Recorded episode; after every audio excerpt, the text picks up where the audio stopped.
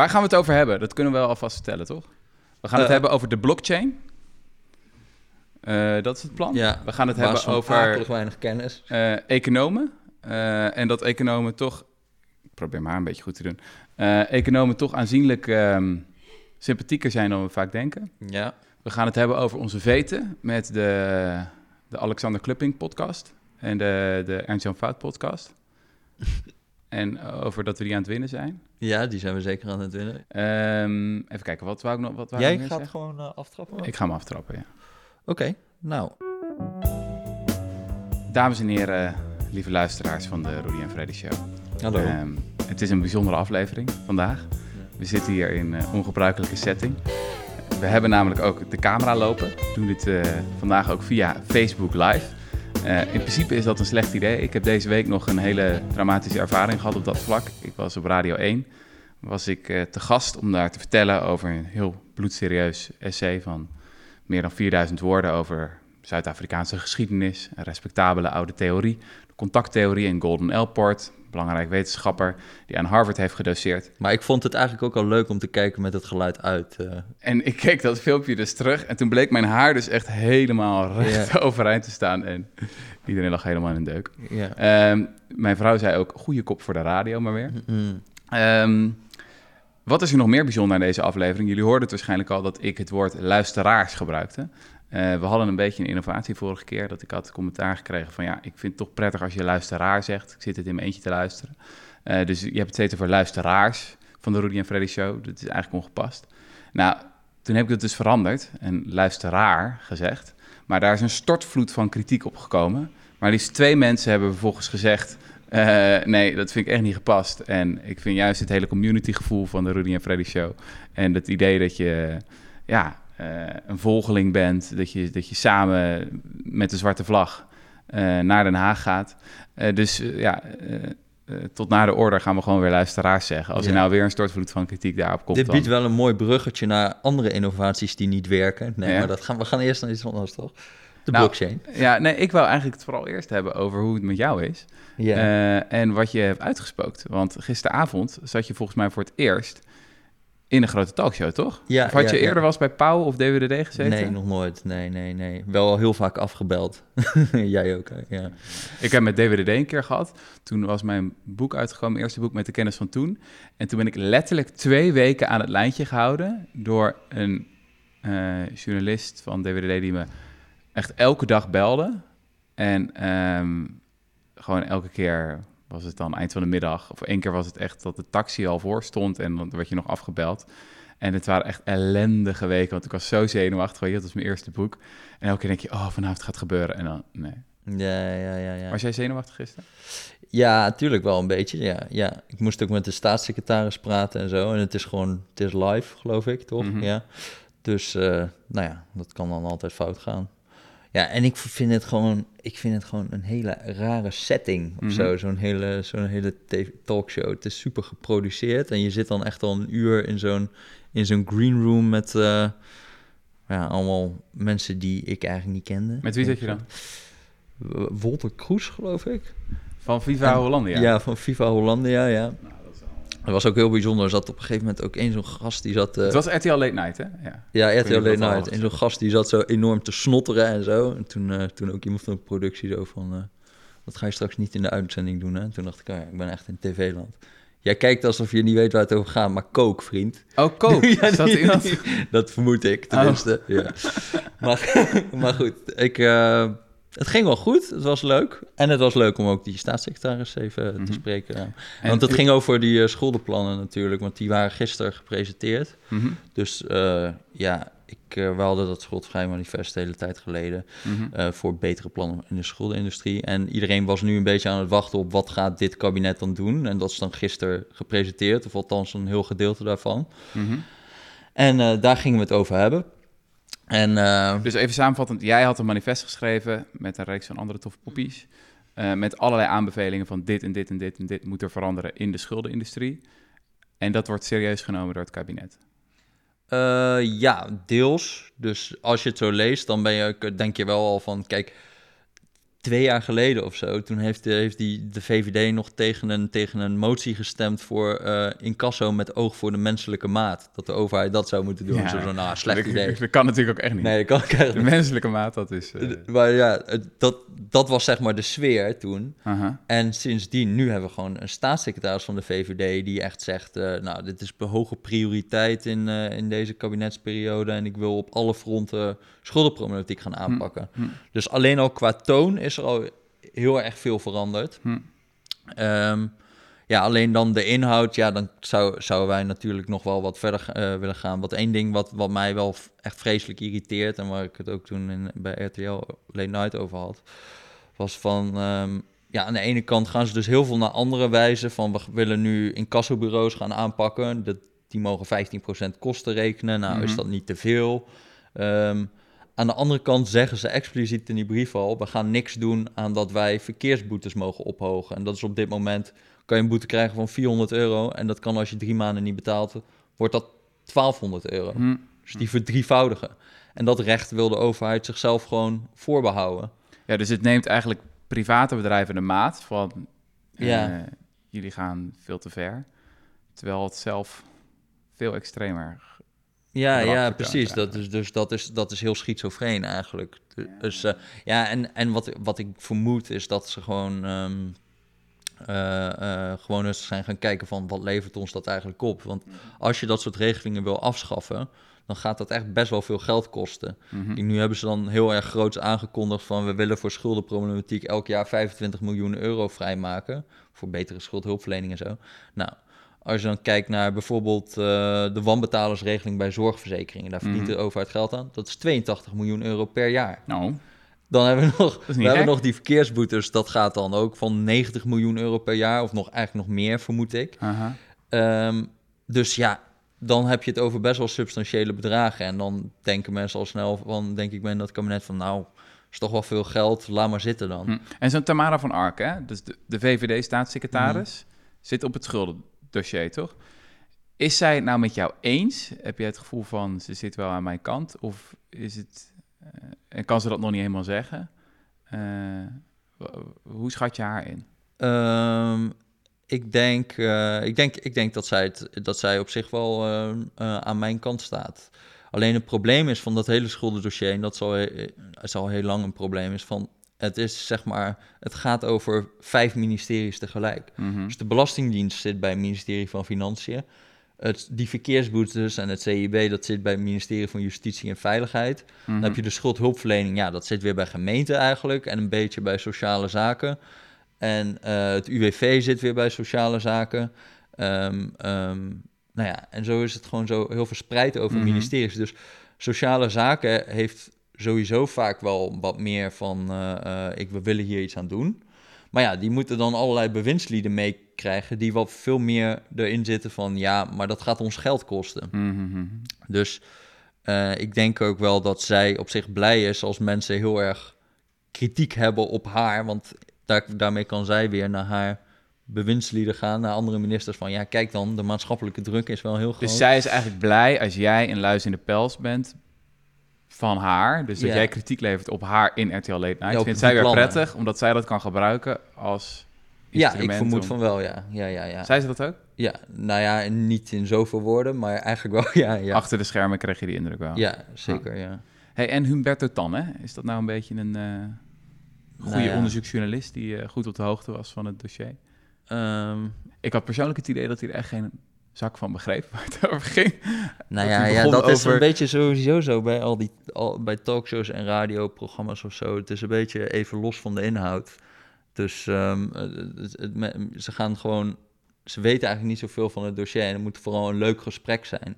Ja, ja. Dus Ja. dat is, eh, nou ja, goed. Het moet Whatever, gezellig ik vond het leuk dat ik was uitgenodigd. Dus. Nee, dat is ook zo. Dat is ook zo. Eh, ja, we willen ook niet te veel kritiek leveren natuurlijk, want Nee. anders eh, mag je niet nog een keer komen. Eh, oh, is die gestopt? Ja. Eh, ja, het internet zal er weer uit liggen. Oh ja, ik zie ook al dat het internet eruit ligt.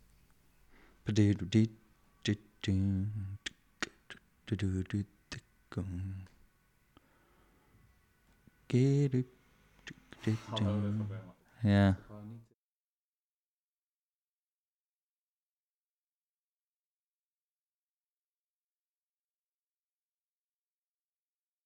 We zijn een innovatief medium bij de correspondent, maar we hebben geen goede internetconnectie. Nee, Dus, dat is eh, een van- beetje... da- dus vanda- vandaar dat we nu gewoon eh, onze Facebook livestream weer uit hebben moeten zetten en geïnterrumpeerd zijn in ons zeer enerverende gesprek. Ja, waar waren, we, waar waren we gebleven? Ehm, RTL Late Night was leuk. Oké, was leuk. We gaan het hebben over de, de blockchain, de blockchain. of bitcoin en zo. Nu is het ooit voorgekomen dat Willem Vermeend, een vriend van de podcast... Ja, eh, jij hebt ook een, al heel lang een zwak natuurlijk voor ja Oud-staatssecretaris van de PvdA. Kenner van de digitale wereld. En van het belastingrecht. Eh, ook bekend van zijn uitspraak Internet of Things.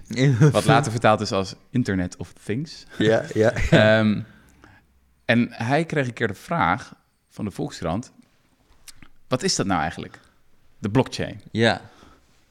En, En eh, dan, daar, moet, hij- dan moet ik nu gaan daar kon hij geen antwoord op geven. Nee. Dus eh, ja, ik kom ook natuurlijk allemaal op, eh wel eens op hippe festivals en zo. En ik krijg super vaak mails trouwens ook. Ook vraag aan de Rudy en Freddy Show. Of wij het een keer over de blockchain en over bitcoin kunnen Ja, hebben. Want ja. bitcoin en blockchain gaan alles veranderen, Jesse. Dat Ja. wordt een wereldwijde revolutie. En we hebben geen overheden meer nodig. En we kunnen het basisinkomen er ook op zetten. Stel je voor, bitcoin en basisinkomen. Dat is en- gewoon en dat dan- explosie in je En hoofd dat dan. dan met AI. AI, ja. Machine learning erbij. Dus leg even uit hoe dat zit met die, met die, met die blockchain. Nou, ik zou je zeggen, ik, ik moet hier Willem Vermeen toch een beetje verdedigen. Ja. Want ik heb het erg moeilijk gevonden om een definitie van de blockchain te, te vinden. Ja. Want ik, het lijkt een beetje alsof iedereen het over iets anders heeft. Het, wat, wat, wat duidelijk is, is wat bitcoin is. Ja. Maar dan vervolgens zeggen ze van ja, oké, bitcoin, dat heeft toch wel wat problemen. Dus deze week bijvoorbeeld, om wat problemen te noemen. Wat ik, om helemaal in de techniek te gaan, in, eh, ehm, hoe, hoe, hoe bitcoin eigenlijk transacties bevestigt. Mhm. Kijk, bij ons bij banken is het gewoon een bank zegt, deze transactie klopt, die laten we doorgaan. Ja. Nou heeft Bitcoin heeft gedacht, dat willen we niet. We willen om die banken heen. Dat was eigenlijk het hele doel. Hè. We willen niet één soort centrale boekhouder hebben. We willen dat dat is helemaal is verdeeld onder allerlei mensen. Dus dat dat decentraal is. Mhm. Daar hebben ze een heel ingewikkeld systeem voor opgezet. Dat je eigenlijk allerlei mensen hebt. Die doen allemaal hele ingewikkelde computerberekeningen. Die hebben allemaal servers draaien. Die ingewikkelde puzzeltjes zitten op te lossen. Waardoor die transacties worden bevestigd. Ik ga de techniek niet helemaal uitleggen, maar daar komt het op neer. Mhm. Ehm, het probleem is nou dat nou is die bitcoin zo groot geworden dat de bitcoin inmiddels meer energieconsumptie heeft dan heel Ierland. Oh, lekker. Dus om één transactie te bevestigen, er is een paper vorige week van een Nederlander uitgekomen, heeft, heeft de bitcoin heeft meer energie nodig dan een heel Nederlands huishouden in een maand verbruikt. Wow. En ja, dan denk je van, oké, nou ja, is dat nou innovatie, zeg maar? Is dat, Dat, nou is helemaal de wat we... libertarische droom die de wereld gaat verbeteren? Nee. Ja, dat is het Ja. niet helemaal. Maar het idee Maar is goed, dus, dus dat, dat- dat er dat- geen centrale boekhouder meer is, maar en dat iedereen de boekhouder is. Zeg ik dat goed? Ja, maar dat is dus ook de grap. Als je dus kijkt naar wat Bitcoin nu daadwerkelijk is. ehm, je hebt dus allemaal van die mensen die van die complexe berekeningen moeten doen om transacties te bevestigen. Mhm. Maar daarin is een soort eh, wapenwedloop gekomen van wie kan er snellere computers maken en snellere servers bouwen die in staat zijn om al die berekeningen te doen. En er worden ook steeds meer mensen gewoon die zijn gespecialiseerde servers daarvoor aan het eh, opzetten. Dus computers die alleen zijn gemaakt om bitcoin berekeningen te doen. En dat centraliseert weer. Dus inmiddels zijn er vier, vijf bedrijven, of mining pools heette dat, die ongeveer die, die, die de ver- grote meerderheid van alle bitcoin-transacties doen. Ah, Dus je hebt eigenlijk weer, ben je weer terug bij af in die zin. ja. Net zoals we een paar banken hebben die al het geldverkeer doen, heb je daar gewoon een paar mining pools die al het geldverkeer doen. Dus er is nog heel veel retoriek omheen van ja, eindelijk een decentraal medium. Maar in de praktijk is het dat ook niet eens. Oké, maar nou komt, die, nou komt die, Jesse. Wacht even. Bitcoin-akkoord. Bitcoin is gewoon een speculatieve bubbel zoals we die in de afgelopen eeuwen zo vaak hebben gezien. Weet je al, de tulpenmanie, wanneer was dat, 16e, 17e eeuw? Toen gingen mensen al vreselijk veel guldens neerleggen voor een tulp, omdat iedereen dacht, eh, dat wordt een fantastische markt. Dat is ingestort. Bitcoin, sure. Speculatieve onzin, is op, opgehyped door de media, et cetera. Maar de technologie daarachter, de blockchain, dat hoor je nu altijd. Van ja, de, de bitcoin is misschien een hype, maar de blockchain, Ja, we moeten gewoon alles op de blockchain gaan zetten. ja, ja, ja. ja. Eh, Maar dan wordt het dus vaag. Want wat, wat, want wat is dan die, die blockchain? Dus de Bitcoin bestaat aan de ene kant aan dit hele systeem van dat je allemaal mensen aan het rekenen zet voor complexe puzzeltjes en weet ik veel wat. Mhm. Nou, dat vinden we dan meestal niet zo leuk. Dus als je kijkt naar al die toepassingen die ze in de overheid hebben, hè, dus dat vindt iedereen vindt blockchain te gek, Innovatie. innovatie, dus dan gaan we dingen op de blockchain zetten. Maar het eerste wat ze doen is vaak dit eruit flikkeren. Dus dat aspect van dat mensen, dat er allemaal miners aan het, eh, aan het werk slaan, eh, dat, dat doen we weg. Ja. Eh, wat blijft er dan over? Nou, iets, dan blijft er een technologie over die in 1979 al is verzonnen. Dat heet de Merkle Trees. En oké, even kijken of ik dit goed kan uitleggen. Maar dit, dus stel je, hebt een, stel je hebt een stukje data, een blokje Mhm. data. En dat is bijvoorbeeld een blokje data kan zijn de tekst. Dit is een hele heldere uitleg. Mhm. Ehm, nou, daar, daar komt dan een hashcode op. En een hashcode is gewoon een 32 cij- eh, tekens aan gewoon willekeurige cijfers eigenlijk. Mhm. Als ik nou dat blokje data verander naar dit is echt een bagger-uitleg, dan verandert automatisch die hashcode mee. Dat krijgt een hele andere hashcode. Die Merkle trees doen is dus, je hebt allerlei blokjes data. Bij de Bitcoin zijn dat transacties. Mhm. En die blokjes, die komen ook weer in een nieuw blok. En die blokken komen ook weer in nieuwe blokken. En die krijgen allemaal zo'n code. En elke keer als er iets verandert, dan zie je gelijk aan die code dat het niet meer hetzelfde blok is.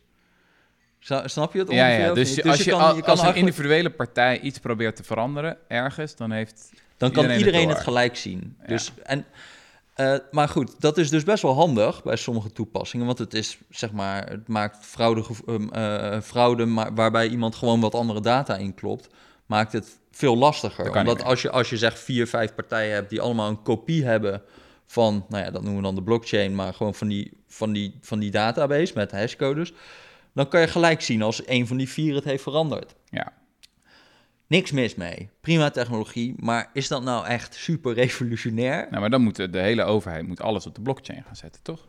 Ja, maar, Dat is maar, innovatie. Maar, maar, maar wat, wat, welk probleem zijn we hier dan precies aan het oplossen, zeg maar? Ja, dat weet ik niet. Nee, maar goed, dat iemand dus data zou kunnen vervalsen. Ja. Zeg maar, is dat iets waarvan wij denken van... goh, dat komt zo vaak voor dat het onze hele wereld gaat veranderen... als we dat nu wat moeilijker maken?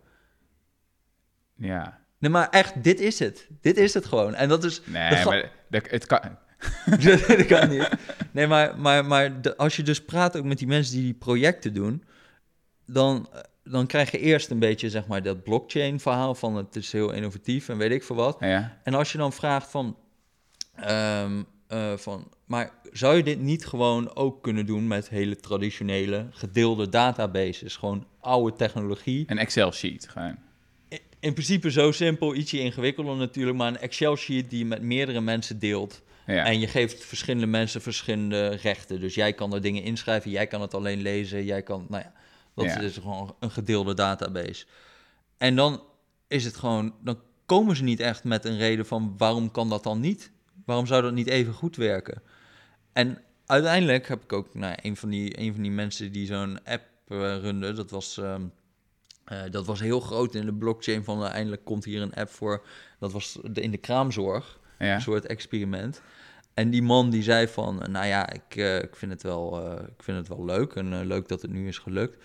Maar ja, goed, inderdaad, we kunnen dit ook gewoon op een gedeelde database doen. Maar wat wel heel interessant is, ja. is dat, eh, dat in één keer heel veel partijen in beweging komen. Dus voor zo'n gedeelde database heb Ja. je wel nodig dat iedereen dezelfde definities heeft van dingen. En dat je met elkaar afspraken maakt over wat is een uur kraamzorg eigenlijk en wanneer Aha. is dat geldig. En dat je gaat samenwerken met al die partijen. En eh, hij zei, dat is heel opmerkelijk. Nu we het blockchain noemen, dan komen mensen in één keer...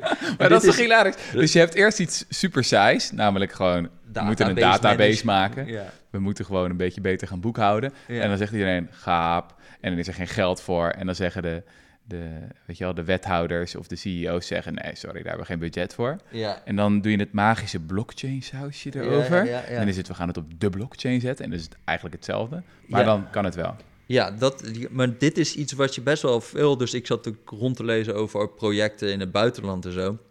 De laatste artikel in Reuters zijn echt een miljard of zo is er gestoken. Nou ja, ik weet niet of dat dan echt zo is. Of de, maar die, die in Wall Street projecten met, eh, met de blockchain, want dat zou alles veranderen. En je moet... Kijk, kijk, die financiële sector die zit echt die, die wil heel graag innovatie waar mensen wat aan hebben of zo. Want dat, kun- dat, die hebben een hele slechte reputatie Ja. voor wat betreft innovatie. Dus die willen echt weer met iets komen van yes, blockchain. Ja. Maar nu blijkt dus, Reuters ging even een inventarisatie maken, wat is er eigenlijk gebeurd? En al die projecten die liggen dus stil, een heleboel. En toen zei, toen quote ze iemand die zei van, eh, basically it became a, solution looking for a problem. en dat, vond ik, dat vond, ik, vond ik wel heel grappig, maar tegelijkertijd, zij hadden ook precies hetzelfde verhaal. Die banken ICT is een totale ramp. Dat is, dat is zeg maar, eh, heel veel van die banken zijn een paar keer gefuseerd. Eh, er zijn er ICT-systemen die allemaal niet met elkaar samengaan, want dat was van de ene bank bij de andere bank. En dat is dan met een soort van duct tape code weer allemaal aan elkaar geplakt. En die Mhm. databases die, die, ze- die kunnen niet met elkaar praten. En of, of een heel moeilijke, omslachtige manier. Dus wat het heeft gebracht weer, die blockchain, is dat mensen zijn gaan kijken van... oh ja, dus hoe regelen we onze databases eigenlijk nu? Ja. En, dan, en dan was de vraag, hoe kunnen we de blockchain daarop toepassen? Nou, dan blijkt dan misschien niet te werken. Maar misschien kunnen we dan wel een andere manier van beter database management hebben. Iets wat broodnodig is. Mhm. Ehm, ook overigens bij de overheid is dat heel vaak het geval. Het, het grootste voorbeeld is nu die, die belastingdienst. Mhm. Daar zijn ze, dus, zijn, dus, zijn ze dus bang dat er mensen met pensioen gaan. Omdat de mensen die nu met pensioen gaan, de enige zijn die nog de ICT-systemen begrijpen. nou, kan je je voorstellen wat voor ICT-systemen dat zijn als de mensen die 67 zijn, de mensen zijn die dat nog begrijpen. Die Dan ben je echt nog op een Commodore 64. nou, Ja. bij wijze, volgens mij hadden ze echt serieus nog MS-DOS, zeg maar, achtige eh, ICT-programma's werken. Nou ja, dat is, dat is een totaal drama. En eh, het, het helpt natuurlijk wel als er dan iets wat echt fucking saai is natuurlijk. Zoals ICT, daar heeft echt niemand in een bestuursvergadering zin in om daarover te praten. Nou ja. Eh, als dat wat Als dat hipper hip wordt wordt gemaakt, gemaakt, met ja. zo'n... Maar is het dan ook veel duurder om de blockchain-oplossing te kiezen in plaats van de gewone Excel-oplossing? Of maakt het Eh, niet uit? Wat, wat je ziet is bij heel veel van die, van die, van die bedrijven, zo gauw ze het echt gaan toepassen, dan spreken ze nog de taal van blockchain, maar doen ze niet meer. Tenminste, het heeft weinig meer met bitcoin te maken. Dus ze Ja, houden ja, van die dingen zoals Merkle trees bijvoorbeeld soms. Ja. Dus waar ik het net over had, dat je niet moeilijk kan zien, of, je- of dat je makkelijk kan zien dat de data is aangepast.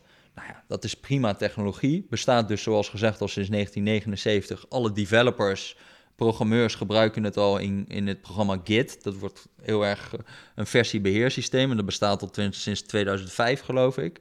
Dus dat is allemaal niet ja. zo enorm hip. Maar dat is wel goede technologie.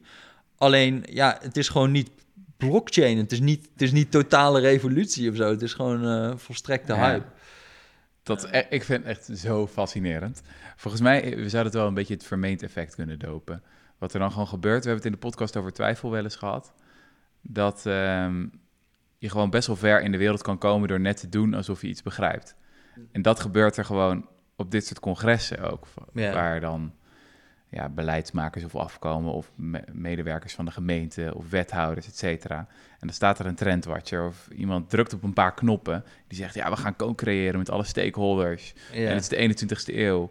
En eh, we gaan het nu allemaal samenbrengen en we doen het tot de blockchain. En het is gewoon volkomen Ja, vaag. en het is ook maar je kan manier- dat magische sausje kan je strooien. Ja, het is ook een er manier inderdaad om van die problemen die super complex zijn. Dan hoopt iedereen dat daar inderdaad een magische oplossing voor is. Ik, we, hadden, we hebben hier gewoon bij de correspondent hebben we gewoon developers in het wild rondlopen. Ja.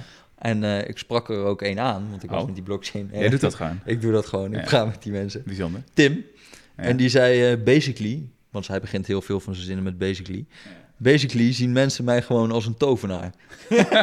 en dan doe van, eh, ik kan ze allemaal alles verkopen. Gewoon, eh, ja, mensen denken gewoon dat ik aan magie doe. En dat is gewoon als ICT'er wel een beetje zo, weet Ja. je wel. Dus gewoon, maar de helft van de tijd zei hij, ja, zit ik ook gewoon eh, dingen te proberen en dan, dan werkt het niet en ik snap niet waarom. En dan probeer je nog eens iets anders, dan werkt het wel en dan denk je, nou, goed, dat is Ja. klaar en we gaan verder. Het is allemaal niet zo... en heel vaak problemen die er in de echte wereld zijn. Dus de grootste probleem met databases aanleggen is iemand die heeft, je moet het eens worden over definities. Dus wat Mhm. ik net al zei, van eh, eh, eh, bijvoorbeeld je gaat armoedegeld uitkeren. Wanneer is iemand arm? Ja. Hè? Dat ja, zijn- je gaat daklozen tellen. Wanneer ben je dakloos? Wanneer ben je dakloos? Ja. Ja. dus al die basisregisters. Dus bij- bijvoorbeeld het kadaster sprak ik ook iemand van. Daar heb je dus gewoon het probleem dat de Belastingdienst een ander idee heeft van wat een perceel is dan het kadaster. Mhm. En dan, he- en dan is er nog een definitie eh, van gemeentes die weer een ander idee hebben van wat een perceel is. Dus ja, dan kan je wel zeggen blockchain. Maar dat probleem is niet, is niet opgelost, zeg maar. Dat zei hij ook van ja, dat, dat, gaat- dat, dat, dat wordt niet opgelost hiermee. Dat zijn gewoon veel fundamentelere Nee. dingen die je moet zien. eh, van dan moet je met elkaar gaan praten. Ja. Maar heel veel wethouders en ik denk gewoon mensen die zouden graag geloven dat er iets was. Waardoor dat moeilijke, stroperige proces van. Fuck, Ja. we moeten onze systemen gewoon aanpassen aan elkaar. Ja, Ja, je dat- wil heel graag geloven dat er een soort van magische oplossing is. Een bitcoin, een blockchain die alles gaat veranderen. ja. Die de hele financiële sector op zijn kop zet. Die ervoor zorgt dat we ineens, hoppa, het basisinkomen kunnen invoeren. Hoe vaak ik die vraag niet heb gehad. Ja, dat basisinkomen, dat hoeft helemaal niet maar via de overheid. Dat kan gewoon, poef, dat kunnen we gewoon zo scheppen. Mhm. Dus je wil dat heel graag geloven. Dat het, dat het een soort van Maar ik verwacht eerlijk is. gezegd nu wel, nu we dit zo gezegd hebben, verwacht ik wel enige, enige doodsbedreigingen. Ja, dat is wel een ding, hè? Ja, ik heb echt, een ik ding. weet niet hoeveel mails gehad in de afgelopen... Ook trouwens voor de Rudy en Freddy show. Van wanneer gaan jullie het eindelijk over de bitcoin hebben en over, over blockchain, et cetera, et cetera. Ja. Ja. Nou ja, en misschien hebben we alweer verstrekte onzin ver- verkondigd, maar ja, daarvoor is het ook een Ja, maar- podcast en dan hoor ik het ook graag. ja, en dan nodigen we gewoon volgende keer Willem Vermeend uit. Ja, dan kan die het. Dan kan hij dat kraakhelder uit gaan leggen. Ja. Oké, volgende onderwerp. ja, Eh, dan gaan we het over experts hebben die naar jouw idee wel verstand van zaken hebben. zeker. En die naar jouw idee ook eh, onterecht In de hoek worden gezet. kapot worden gemaakt. Ja. En eh, dan wil ik eigenlijk beginnen met ehm, nou ja, hoe bijvoorbeeld iemand dat doet. Dat is een, nou ja, ook wel een vriend van de podcast. Eh Ewald Engelen, Ja, eh, gevierd columnist voor eh, de Groene Amsterdammer. Die ging laatst ook weer fors tekeer tegen het economengilde. En dan heb je een, een reeks van standaard bezwaren. Dat economen te theoretisch zouden zijn, dat ze terecht zijn, dat ze geloven dat alle mensen egoïstisch zijn en zelfzuchtig, et cetera, et cetera. ja. Ik denk trouwens dat ik mezelf daar ook wel eens schuldig aan heb gemaakt. Ik ook. in, in een boek her en der. En jij werkt nu aan een stuk dat je zegt van ja, we moeten eigenlijk moeten we die ouderwetse kritiek een keer Ja, eh, in, de, in de kast gaan schuiven. Want ja het, is, het, is dus, het is dus niet echt meer zo. Ik lees echt veel economische papers, omdat het ook gewoon leuk is. mhm, En, ehm, en, en dan lees je eigenlijk niet zoveel over allemaal rationele individuen die maar hun genot zitten te maximaliseren en zo. Kijk, als je, als je 30, 40 jaar terugging, nou ja, toen was het echt, zeg maar, theorie overal. Eh, al, die, al die vaktijdschriften die stonden gewoon vol met theorie en ook de gekste dingen. Eh, toen was er een uitspraak van George Stickler, die was eh, Nobelprijswinnaar in de economie. Die zei, de economie is een imperialistische wetenschap. Dus die vertrokken allemaal naar, kom, wij kunnen ook wel iets zeggen over sociologie en over het recht en over criminologie. ja, En dan kreeg je echt de gekste theorieën van, eh, volgens mij, ehm, George Becker, die ook een Nobelprijs heeft gewonnen. Die zei op een gegeven moment van, we hebben rationele verslavingstheorie. Dus, eh, Dat klinkt- mensen- dat klinkt al vrij bizar. ja, precies, dat is op zichzelf. Nou ja, het is ook precies wat je denkt dat het is. Dus mensen die hebben gewoon een vooruitziend consumptieplan. En eh, zij krijgen gewoon veel genot uit verslaving. oh, Eh, ja. dat soort dingen. Nou ja, Ja. dan denk je, ja, oké, dit is wel echt waar Maar Jesse even- Klaver het over heeft als hij zegt doorgeslagen economisme. ja, ja, ja. Dit zijn wel, zijn wel echt van dit soort esoterische, theoretische modellen die echt totaal losgezongen zijn van de Dus, wereld. dus dan is het mensbeeld van de mens is een homo economicus. Die wil zoveel mogelijk genot of nut-eenheden verzamelen. Ja, En die doet dat volkomen eh, rationeel, zelfzuchtig. En de econoom zal misschien zeggen: Oké, misschien zitten mensen niet echt zo in elkaar. Maar als mijn model werkt, de werkelijkheid goed voorspelt, dan mag ik alsnog doen alsof mensen zo in elkaar zitten. ja, ja, ja. ja. Dat is een beetje het. Ja. Maar is het niet nog dus zo en het dat. was heel erg omgekeerd. Hè? Dus je hebt al een Aha. idee van hoe de wereld werkt. En dan ga je data zoeken en kijken of dat daarin past. Dus dat wring je gewoon eigenlijk in wa- wat jouw idee is van hoe de wereld zit. En dan is de kritiek van: Ja, dat is wel een heel erg chagrijnige kijk op de mens. En als je dan mensen zo gaat Ja. opleiden, dan gaan ze misschien ook zo naar de wereld kijken. En dan ga je bedrijven alleen maar. Ja.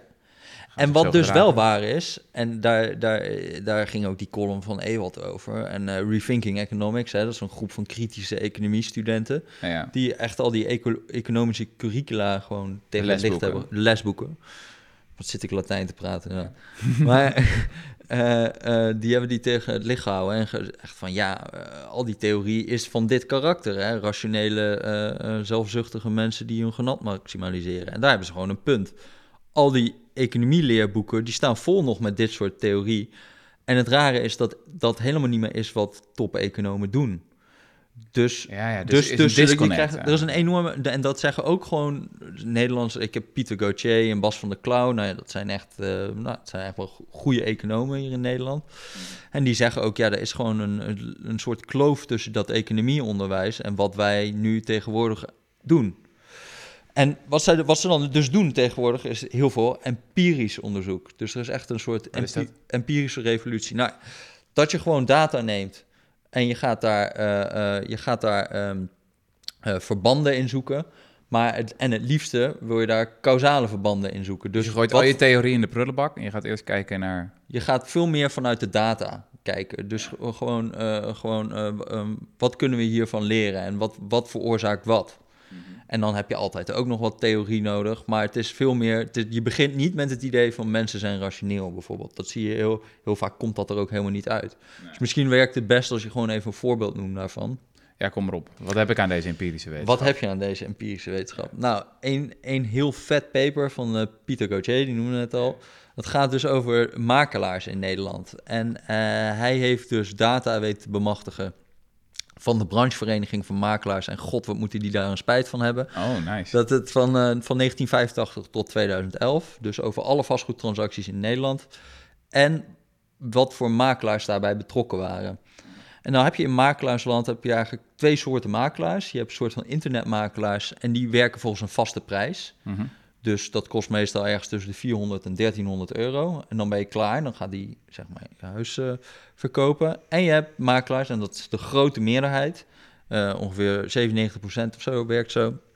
En die werken volgens een eh, percentage van de verkoopprijs. Meestal iets van 2%. Oh, dat is veel meer dan. Dat is veel meer, want bij de gemiddelde woning is het dan 5000 euro of zo. Heb je het over. Dus 2% van de verkoopprijs. Maar die zijn dan natuurlijk vast ook veel beter. Nou, Rutger, wat fijn dat je dat zo vraagt. Eh, nee, die zijn Nee? helemaal niet veel Nee? beter. Sterker nog, die verkopen 21 dagen eh, later. Ja? En, en, die, en die internetmakelaars die hebben nog een 2,3% hogere prijs ook gemiddeld. Dus je betaalt duizenden euro's meer Ja, om duizenden euro's in De- een slechtere prijs te krijgen. ja, En langer te wachten om je huis te verkopen. ja, En dat doen verreweg de meeste makelaars in Nederland. ja.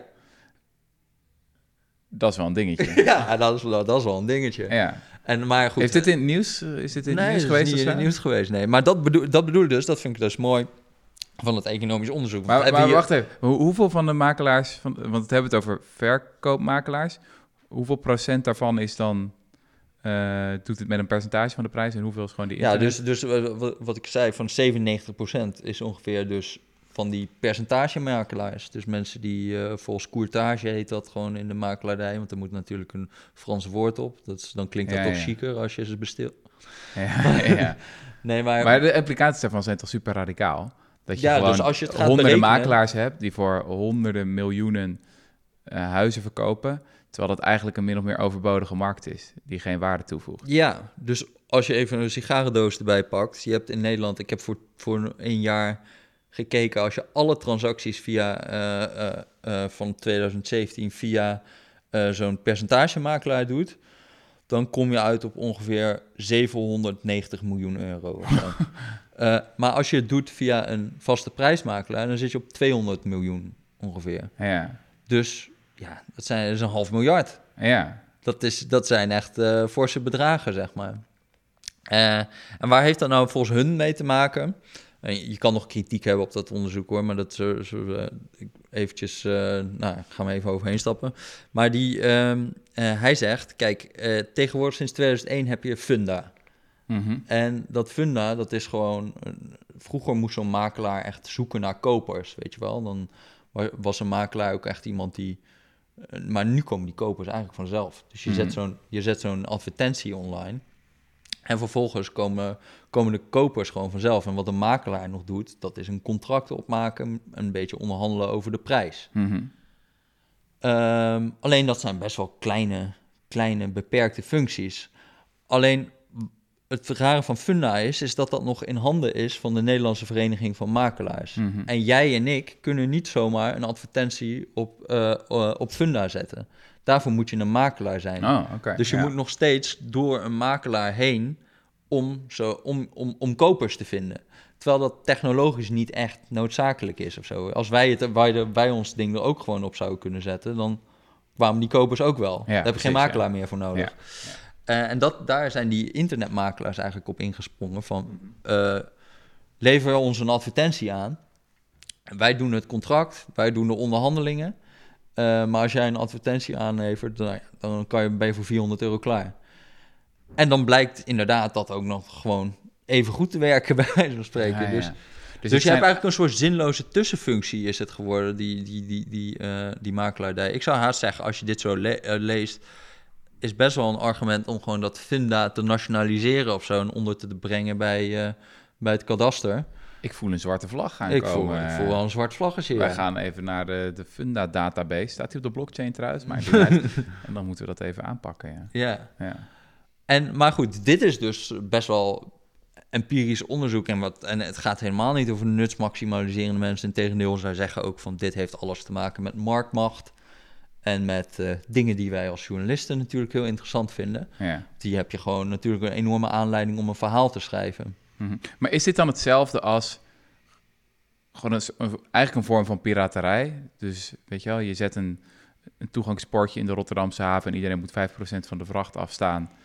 En ja, dan is er heel veel vraag naar, want iedereen moet door dat toegangsportje en anders ja, komen ze de haven niet binnen. En dat je dan zegt, ja, ik voeg heel veel waarde toe, want je kan het de haven binnenkomen. Ja, precies. Dus dit is gewoon rentenieren. En ze rentenieren eigenlijk ook op de Ze onwetende... rentenieren op funda en op de domheid van de consument. Ja, ja, ja. Want, Maar dat gaat natuurlijk veranderen na de publicatie van deze podcast. ja, dat, dat, Dan stort de markt van een half miljard in. Ongetwijfeld. Ja. Ongetwijfeld. Maar het advies van de Rudy en Freddy Show is dus... als je je huis gaat verkopen... Ga naar een internetmakelaar. Ja. en dat is de empirische wetenschap. En dat is de empirische Dat doen wetenschap. economen voor ons. Maar kijk, er zijn nog veel leukere manieren van onderzoek natuurlijk. Want, want, want dit is in principe nog vrij traditioneel empirisch onderzoek. Want je kijkt eigenlijk naar verbanden. Je kijkt gewoon, oké, je kijkt naar alle verkoopmakelaars die met een percentage werken. Eh, die registreren deze verkoopprijs. Dan kijk je naar alle verkoopmakelaars die met een vaste prijs werken en die registreren deze prijs. Maar je hebt nog niet echt een oorzakelijk verband. Ja. Je kan dat aannemelijk maken, maar je hebt niet echt aangetoond. En in de medische wetenschappen heb je natuurlijk, eh, zeg maar, eh, gewoon het medisch experiment. Je deelt mensen op in eh, twee groepjes. Eentje krijgt een, eh, een pil, andere krijgt een suikerpil. En dan kijken we eens even wat er gebeurt. En mocht dan zo'n pil hoger scoren, dan gaan we er in principe vanuit... Oké, dat is dus de effectieve werking van een medicijn. Dit is de randomized control trial. Ja, toch? zo wordt dat genoemd. Nou hadden we in de vorige podcast, en als je die niet hebt geluisterd, dan moet je dat zeker doen, met Zeker. Maarten Vermeulen. Absoluut. Hadden we daar een mooi voorbeeld van, dat economen dat sinds een jaar of, nou ja, dat is denk ik nu 15 jaar oud of zo, dat ze dat zelf ook zijn gaan doen, dit soort Mhm. onderzoek. Dus veldexperimenten waarbij je gewoon aan één groep mensen in het dorp geld geeft en aan Mhm. een andere groep niet. En dat is een enorme explosie van dat soort, dat soort onderzoek.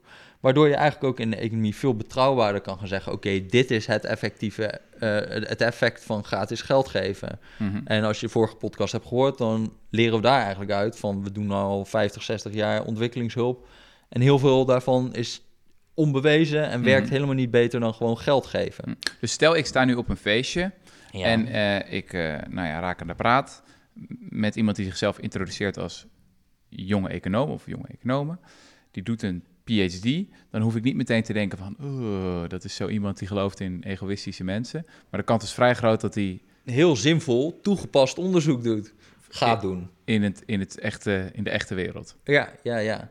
En het, en het, en het, en het mooie, kijk, als je dan de vraag. ehm, de klassieke vraag is natuurlijk: willen we meer of minder economen? Mhm. En eh, eh, ik denk eigenlijk dat dit, deze vorm van onderzoek zou je veel meer willen. Mhm. Eh, dus één ding wat me enorm stoort, ook op dat schuldendossier en zo, is dat als je kijkt naar al die beleidsevaluaties, dus als we eens kijken naar, heeft het wel gewerkt? Ehm, wat we doen, bijvoorbeeld, we gaan, we gaan mensen die niet betalen, gaan we een boete geven.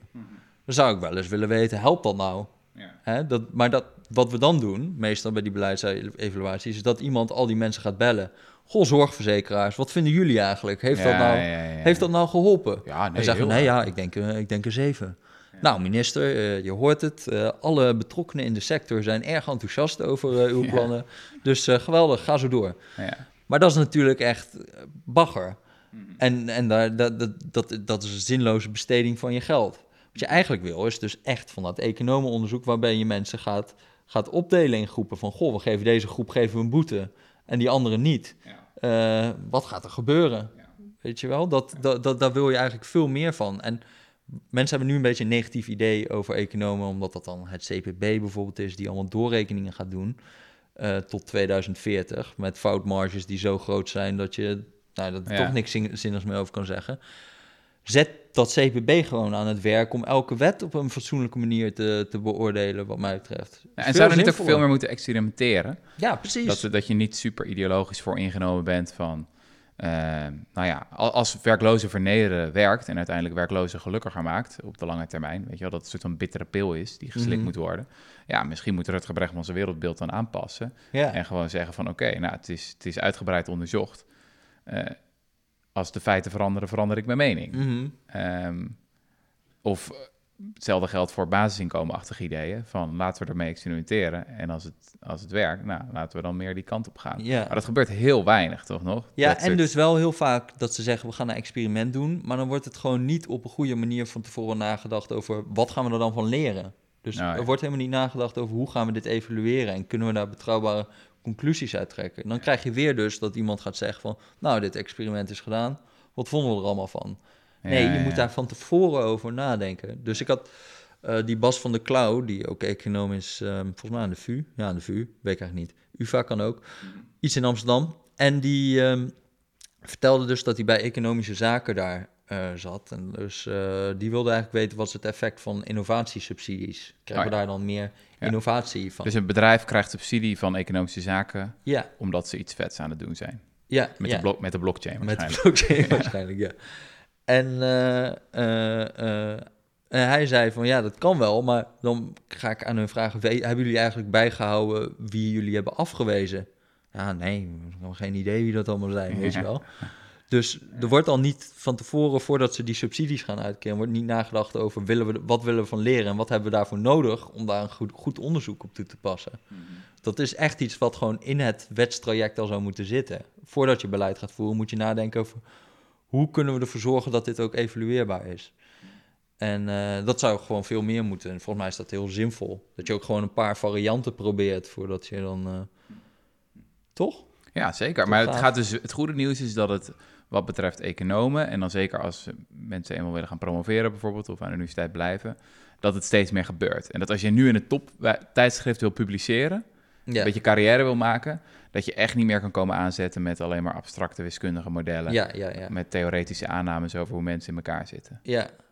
En, en, en natuurlijk met al die empirische eh, eh, eh, economie zijn ook allemaal problemen. Dat, daar hebben we volgens mij ook wel eens een podcast over gehad, toch? Ja, dus dat hoeven we helemaal niet meer te doen. Maar, maar eh, die problemen zijn er. Maar volgens mij is het wel heel erg zinvol dat het, dat het nu in ieder geval die richting uitgaat in plaats van die theorie. Ik heb er heel veel aan. Ik heb heel vaak dat ik zo'n economisch paper lees en ik denk... oh, wat leuk, kan ik dit nog een beetje inkleuren met wat verhalen... en dan ben ik eigenlijk wel klaar. Mhm, Heb ik een verhaal. mhm. Weet je wel, dat is voor een journalist heel interessant. Dat ding met die makelaars, weet je wel. Waarom komt dat niet op het nieuws? Ja, ja, dat vind ik, maar dat is, dat vind ik ook wel fascinerend hoor. Een tijdje geleden, ik geloof dat het eind 2014 of 15 was, stuurde Jetta Kleinsma toen de, resultaten van zeven grote randomized control trials die waren gedaan in het hele land naar de effectiviteit van de werkloze industrie. Ja. Dus je geeft inderdaad, de ene groep geef je een LinkedIn-training, van zo kan je je LinkedIn-profiel opzetten. De andere groep geef je niks. Of de ene groep geef je een training in, zo kan je de beste een elevator pitch doen, of zo strik je je stropdas, of weet ik veel wat. En de andere groep geef je niet. Nou, je voelt hem al aankomen, het effect was helemaal nul. Eh, dat deed helemaal niks. Er was één plek waar wel effect eh, was gevonden, dat was in Rotterdam. Waar ze gewoon heel erg streng beleid hebben. Dus eh, Oranje bijstands, hesjes, eh. ja, bijstandsgerechtigden vrij diep vernederen. Het was toevallig diezelfde week kwam ook een rapport uit van de Rotterdamse ombudsvrouw. Die zei van ja, dit kan echt niet meer hoe we met mensen omgaan.